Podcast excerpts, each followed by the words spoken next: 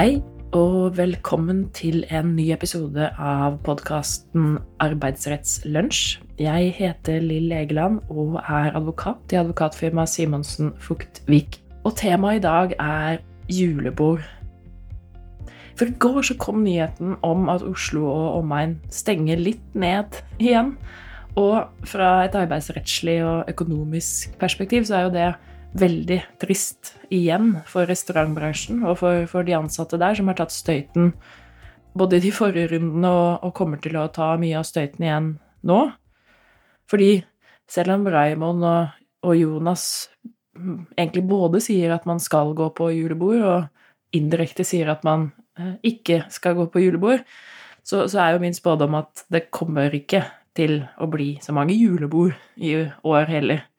Og jeg satt i går og deppa over at vårt eget julebord eh, er blitt avlyst. Men så slo det meg um, Som arbeidsrettsadvokat så vet jo jeg at det, og det vet jo dere også, at det kan jo gå veldig galt på julebordet. Altså hvert år så får vi som jobber med arbeidsrett, i hvert fall én, men som regel ganske mange flere saker eh, hvor det ringer en fortvilt arbeidsgiver og og, eller sint arbeidsgiver og har fått en eller annen form for tafsesak fra julebordet og lurer på om eh, man kan sparke vedkommende. Nå som julebordene eh, i praksis er avlyst igjen, så kunne jeg guide dere gjennom noen dommer eh, hvor det har gått galt på julebord. Og så kan vi i hvert fall i fellesskap glede oss over at vi slipper det i år, da. Og som vanlig, denne podkasten er godt egnet for å komme seg ut og gå. Da får du som regel med deg mer av det som blir sagt, og du får litt lys og mosjon samtidig. Men la oss gå over til disse dommene, da. Vi begynner med en dom fra Gulating lagmannsrett eh, fra 2012. Og temaet er jo, som nevnt, julebord. Og på det julebordet her så var det nok ikke sånn veldig god stemning. Um, det var to av arbeidstakerne, og bare for enkelhets skyld, la oss kalle dem Hanne og Petter. De satte seg ut på balkongen, eh, og der ble de sittende veldig, veldig lenge. Og det var mange som syntes det var litt sånn rart at de satt der ute, og i hvert fall så syns kjæresten til styreleder det, at uh, dette var ikke noe greit at de satt der ute, og hun mente at grunnen til at Petter og han hadde satt seg ute på balkongen, var at de snakket dritt om medarbeiderne og resten av firmaet. Så hun ble veldig opptatt av at Hanne og Petter måtte komme inn igjen og ikke sitte ute på balkongen. Eh, og banka på balkongdøra og gestikulerte og, og, hadde flere forsøk på å få dem inn igjen, da. For, fordi det Petter og Hanne ville ikke inn. Um, men til slutt så kapitulerte Petter og Hanne og var, kom inn, og det førte til at de ble ganske sure, og i mellomtiden hadde kjæresten til styrelederen blitt ganske sur, hun også, og kanskje flere andre også. I hvert fall så eh, medførte alt dette det lagmannsretten sier som Eller beskriver det da som en opphisset situasjon der aktørene ble så høyrøstede at det ødela resten av julebordet. Og Hanne ble nok også ganske sint, fordi hun lot det falle en bemerkning om at hun aldri ville sette sine ben i den drittforretningen mer. Dette var julebordet på en, en, en slags butikk av noe slag. Og dagen etter julebordet så kom Petter på jobb, um, og da ble han møtt av en veldig streng sjef som, som sier uh, Har du noe å si om gårsdagen? Og, og avkrever han egentlig en unnskyldning. Men og Peter skjønner jo at det var liksom gårsdagen fra julebordet som, som sjefen mener, da, men, men han, Petter syns ikke han har noe å beklage. Eh, og da sier sjefen at eh, ok, Petter, du får gå hjem og tenke deg om, eh, og du har ikke noe mer i denne butikken å gjøre. Og så sier sjefen at du får levere nøklene, Petter, og Petter leverer nøklene, og han, han går hjem. Når det gjelder hun Hanne, som også som da hadde sittet på balkongen sammen med Petter, og, og, og i fellesskap hadde blitt litt uh, amper fordi de hadde blitt uh, krevd kommet inn igjen, så, um, ha, så husker jo vi at hun sa denne kommentaren med dritt, drittforretning. Eh, og det hadde nok eh, sjefen tatt på ordet, fordi sjefen tenkte at Hanne kommer jo ikke til å komme på jobb i dag. Eh, så hun hadde kalt noen andre inn for å ta vakten til Hanne i butikken. Men Hanne kom på jobb. Og da spurte sjefen Hanne har du noe å si. Altså underforstått har du, ønsker du å beklage? Nei, det, Hanne hadde ikke noe planer om å beklage det som skjedde i går. Og da sa sjefen noe i retning av at det er ingen som vil ha deg her. Så du har et valg. Enten så er det å si opp selv eller få sparken. Og så sa sjefen også at han kom til å skrive en avskjed i løpet av dagen. Så da kunne hun komme og hente den. Så det var det julebordet og eh, kjølvannet av det julebordet. Hanne og Petter syntes ikke dette var greit, så de gikk til søksmål og sa at de hadde blitt avskjediget. Og det er vel kanskje ikke noen overraskelse for de av oss som jobber med arbeidsrett, at domstolen kom til at de hadde blitt avskjediget, eh, og de fikk medhold i at det var en urettmessig avskjedigelse. Så har vi en annen dom, eh, og det er en klassiker på julebordfronten for de av oss som jobber med arbeidsrett og er kjent med disse dommene. Den er fra Agder lagmannsrett 2009. Og den er rett og slett kalt juleborddommen, og, og de fleste eh, humrer litt eh, når de, når de hører om den og kjenner til den. Dette dreier seg om en arbeidstaker, vi kan kalle han for Hans, som jobbet som teamleder i et selskap. Og det virker som om dette selskapet driver med salg. Eh, det er liksom hovedvirksomheten til dette selskapet. Og han var fast ansatt, eh, men når han ble sagt opp, for det ble han etter denne eh, hendelsen, eh, hendelsene På det tidspunktet så var han leder av dagskiftet på det som kalles utgående avdeling, som holdt på med telefonsalg.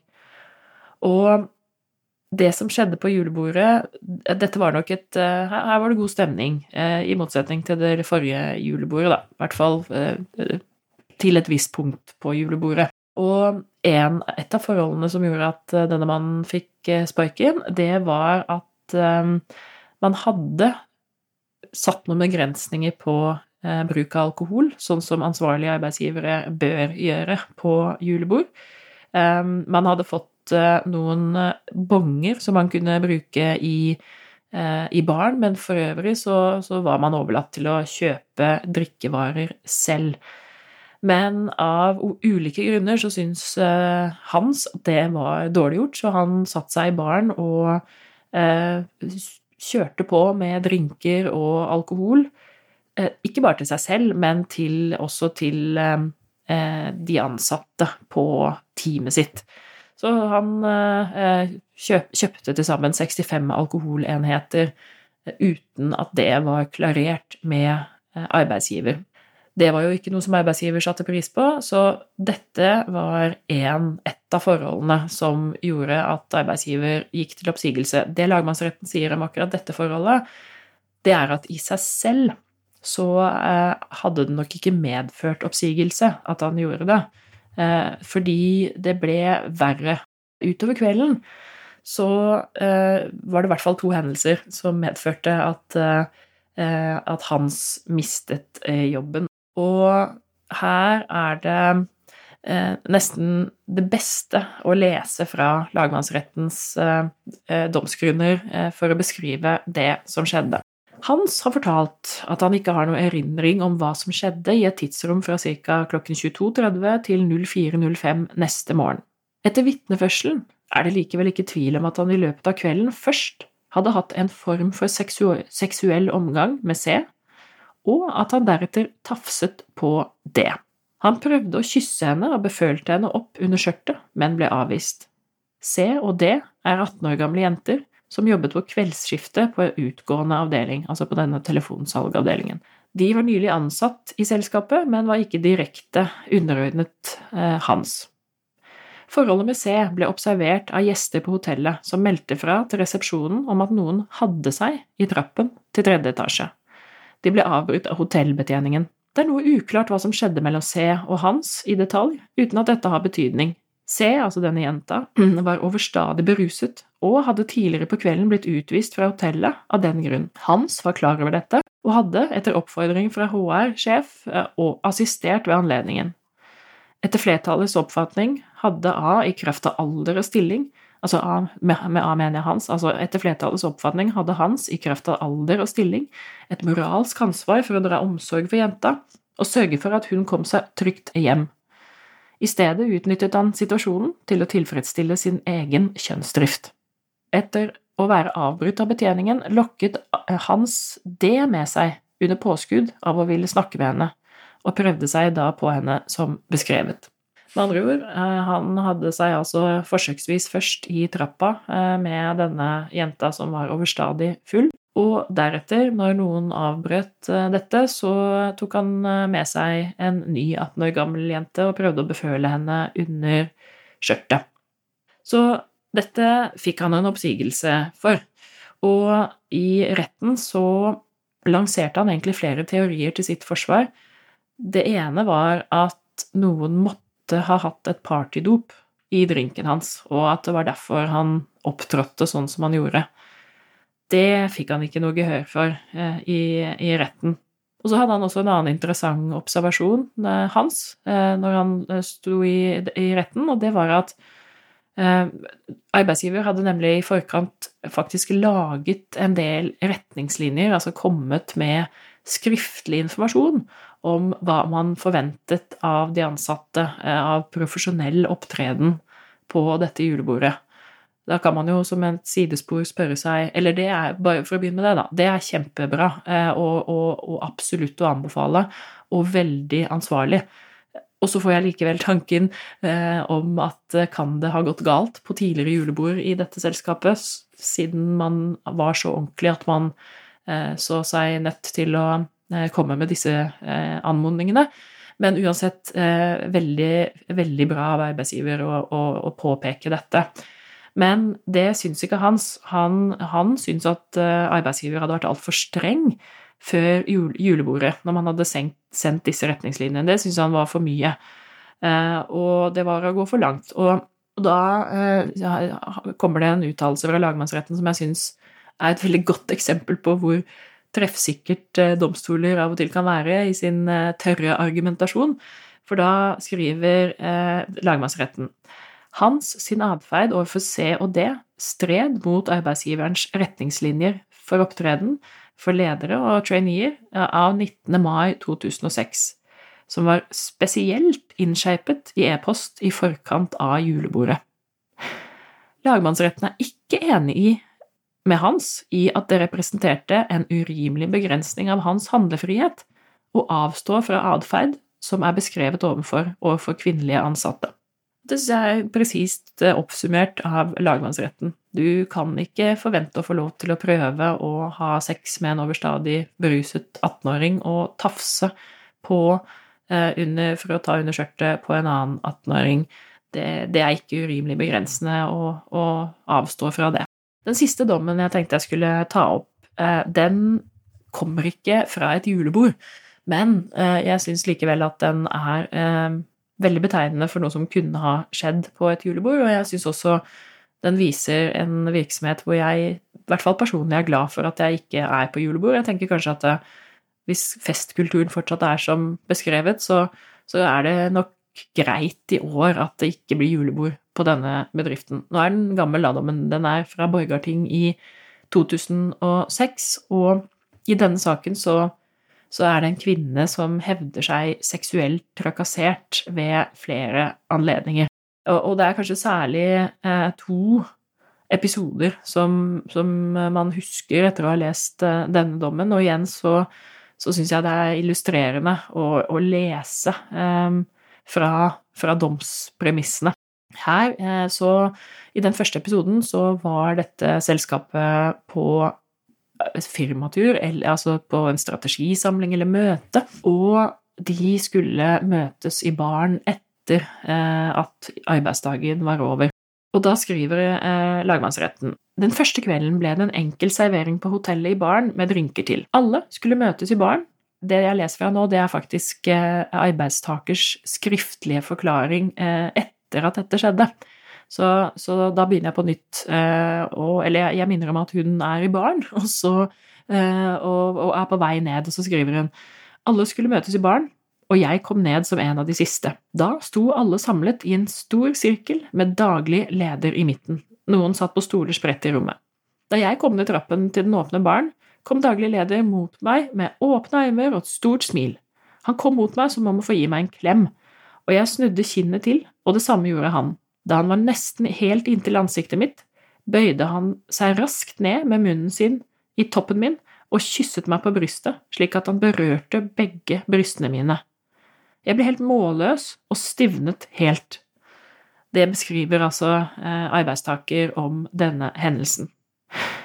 Og så er jo spørsmålet, som det ofte er i disse sakene, ja, hva, hvordan beskriver arbeids, nei, daglig leder dette? Eh, det var nok vanskelig for han å komme seg helt unna denne hendelsen, fordi som, eh, som eh, arbeidstaker beskrev, så var det jo mange som så på det. Eh, men eh, daglig leder han hadde en forklaring, og eh, da leser jeg igjen fra dommen, for det er også veldig underholdende.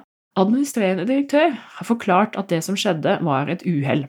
Da han strakk seg frem for å gi arbeidstakeren klem, fikk han, som en følge av kneskade han hadde på den tiden, smerter i knærne. Han fikk en svikt i knærne da han bøyde seg ned, slik at hans hode traff hennes bryster. Så det var derfor han kysset henne på brystene, det var fordi han fikk svikt i kneet pga. en kneskade, og da traff leppene hans brystene hennes. Det eh, trodde ikke lagmannsretten noe på. Det syntes de ikke var noe troverdig. Men likevel så skal jeg komme til eh, hva domstolen kom til om dette eh, litt senere. Men det var den ene episoden som, som er underholdende, dessverre, da, for arbeidstaker fra denne dommen. Og den andre viser noe om kulturen i selskapet. Det var nok ikke tilfeldig Det var nok ikke tilfeldig at, at dette skjedde i akkurat dette selskapet, den første episoden. Og eh, det syns jeg er et eksempel på en dårlig kultur som vi også ser i denne neste. Og der kan jeg også lese fra dommen, fordi jeg syns at det er godt skrevet, nemlig ved en anledning på Kvitfjell i 2004 ble det som et ledd i et opplegg som skulle være underholdning for de ansatte, vist et filmlignende innslag som fokuserte på brystene til de kvinnelige ansatte i selskapet. Innslaget var satt sammen av bilder tatt på tidligere arrangementer i selskapets regi. Bildene viste en del kvinnelige ansatte i utringede kjoler, og bildene var til dels klippet slik at de bare viste brystpartiet. En del av bildene som ble vist, var av arbeidstaker, før innslaget ble vist, ble det vist et bilde av pornografisk karakter, blant annet med en naken kvinne. Så det var altså fra en uh, samling, uh, og det var underholdningen i dette selskapet. Og det som er i tillegg til uh, at disse hendelsene jo fremstår som ganske alvorlige, sånn i en rettslig sammenheng, så det som er helt opprørende for en advokat, en arbeidsrettsadvokat å lese den dommen nå, i 2021, er at domstolen kom til at ingenting av det arbeidstaker hadde opplevd, utgjorde seksuell trakassering. Eh, og så vidt eh, jeg kan se i dommen, så problematiserer man heller egentlig ikke eh, hvorvidt hun hadde et fullt forsvarlig arbeidsmiljø. Og det ville aldri skjedd i 2021. Altså, det, dette bærer veldig preg av at, at, dommen ble avsagt før metoo, før den bevisstgjøringen som vi kollektivt har hatt som samfunn etter metoo. Så, så dette ville ikke skjedd nå. Og, og, det hun ble utsatt for, tenker jeg åpenbart er seksuell trakassering, så dette ville vært annerledes. Men det bringer oss egentlig til veis ende i denne lille minikavalkaden av julebord eller julebordrelaterte eh, hendelser. Jeg håper at du har blitt litt gladere for eh, at vi ikke skal på julebord, eller kanskje har du av underholdningens eh, del blitt det motsatte. Jeg har i hvert fall eh, blitt litt gladere eh, selv, både fordi jeg har blitt minnet på disse dommene, og fordi eh, jeg tenker at jeg, da slipper vi dette. Hvis du vil ha en enda mer komprimert eh, og enda mer underholdende gjennomgang av hva som kan gå galt på julebord i arbeidsrettslig forstand, så vil jeg anbefale deg å google Trygve Harlem Losnedals video Eh, fra 2017 om ti tips til julebordet. Trygve Harlem Losnedal, ti tips til julebordet. En fantastisk eh, kort video om hva som kan gå galt på julebord. Da håper jeg du har vært eh, litt ute på tur. Jeg håper at du har lært litt, eller om ikke annet blitt litt underholdt. Vi får alle sammen håpe på at vi ikke skal sitte veldig lenge på julebord, og at eh, omikron-varianten slipper oss tilbake i normal hverdag om ikke så lenge. Men eh, i mellomtiden, takk for nå, og vi høres igjen.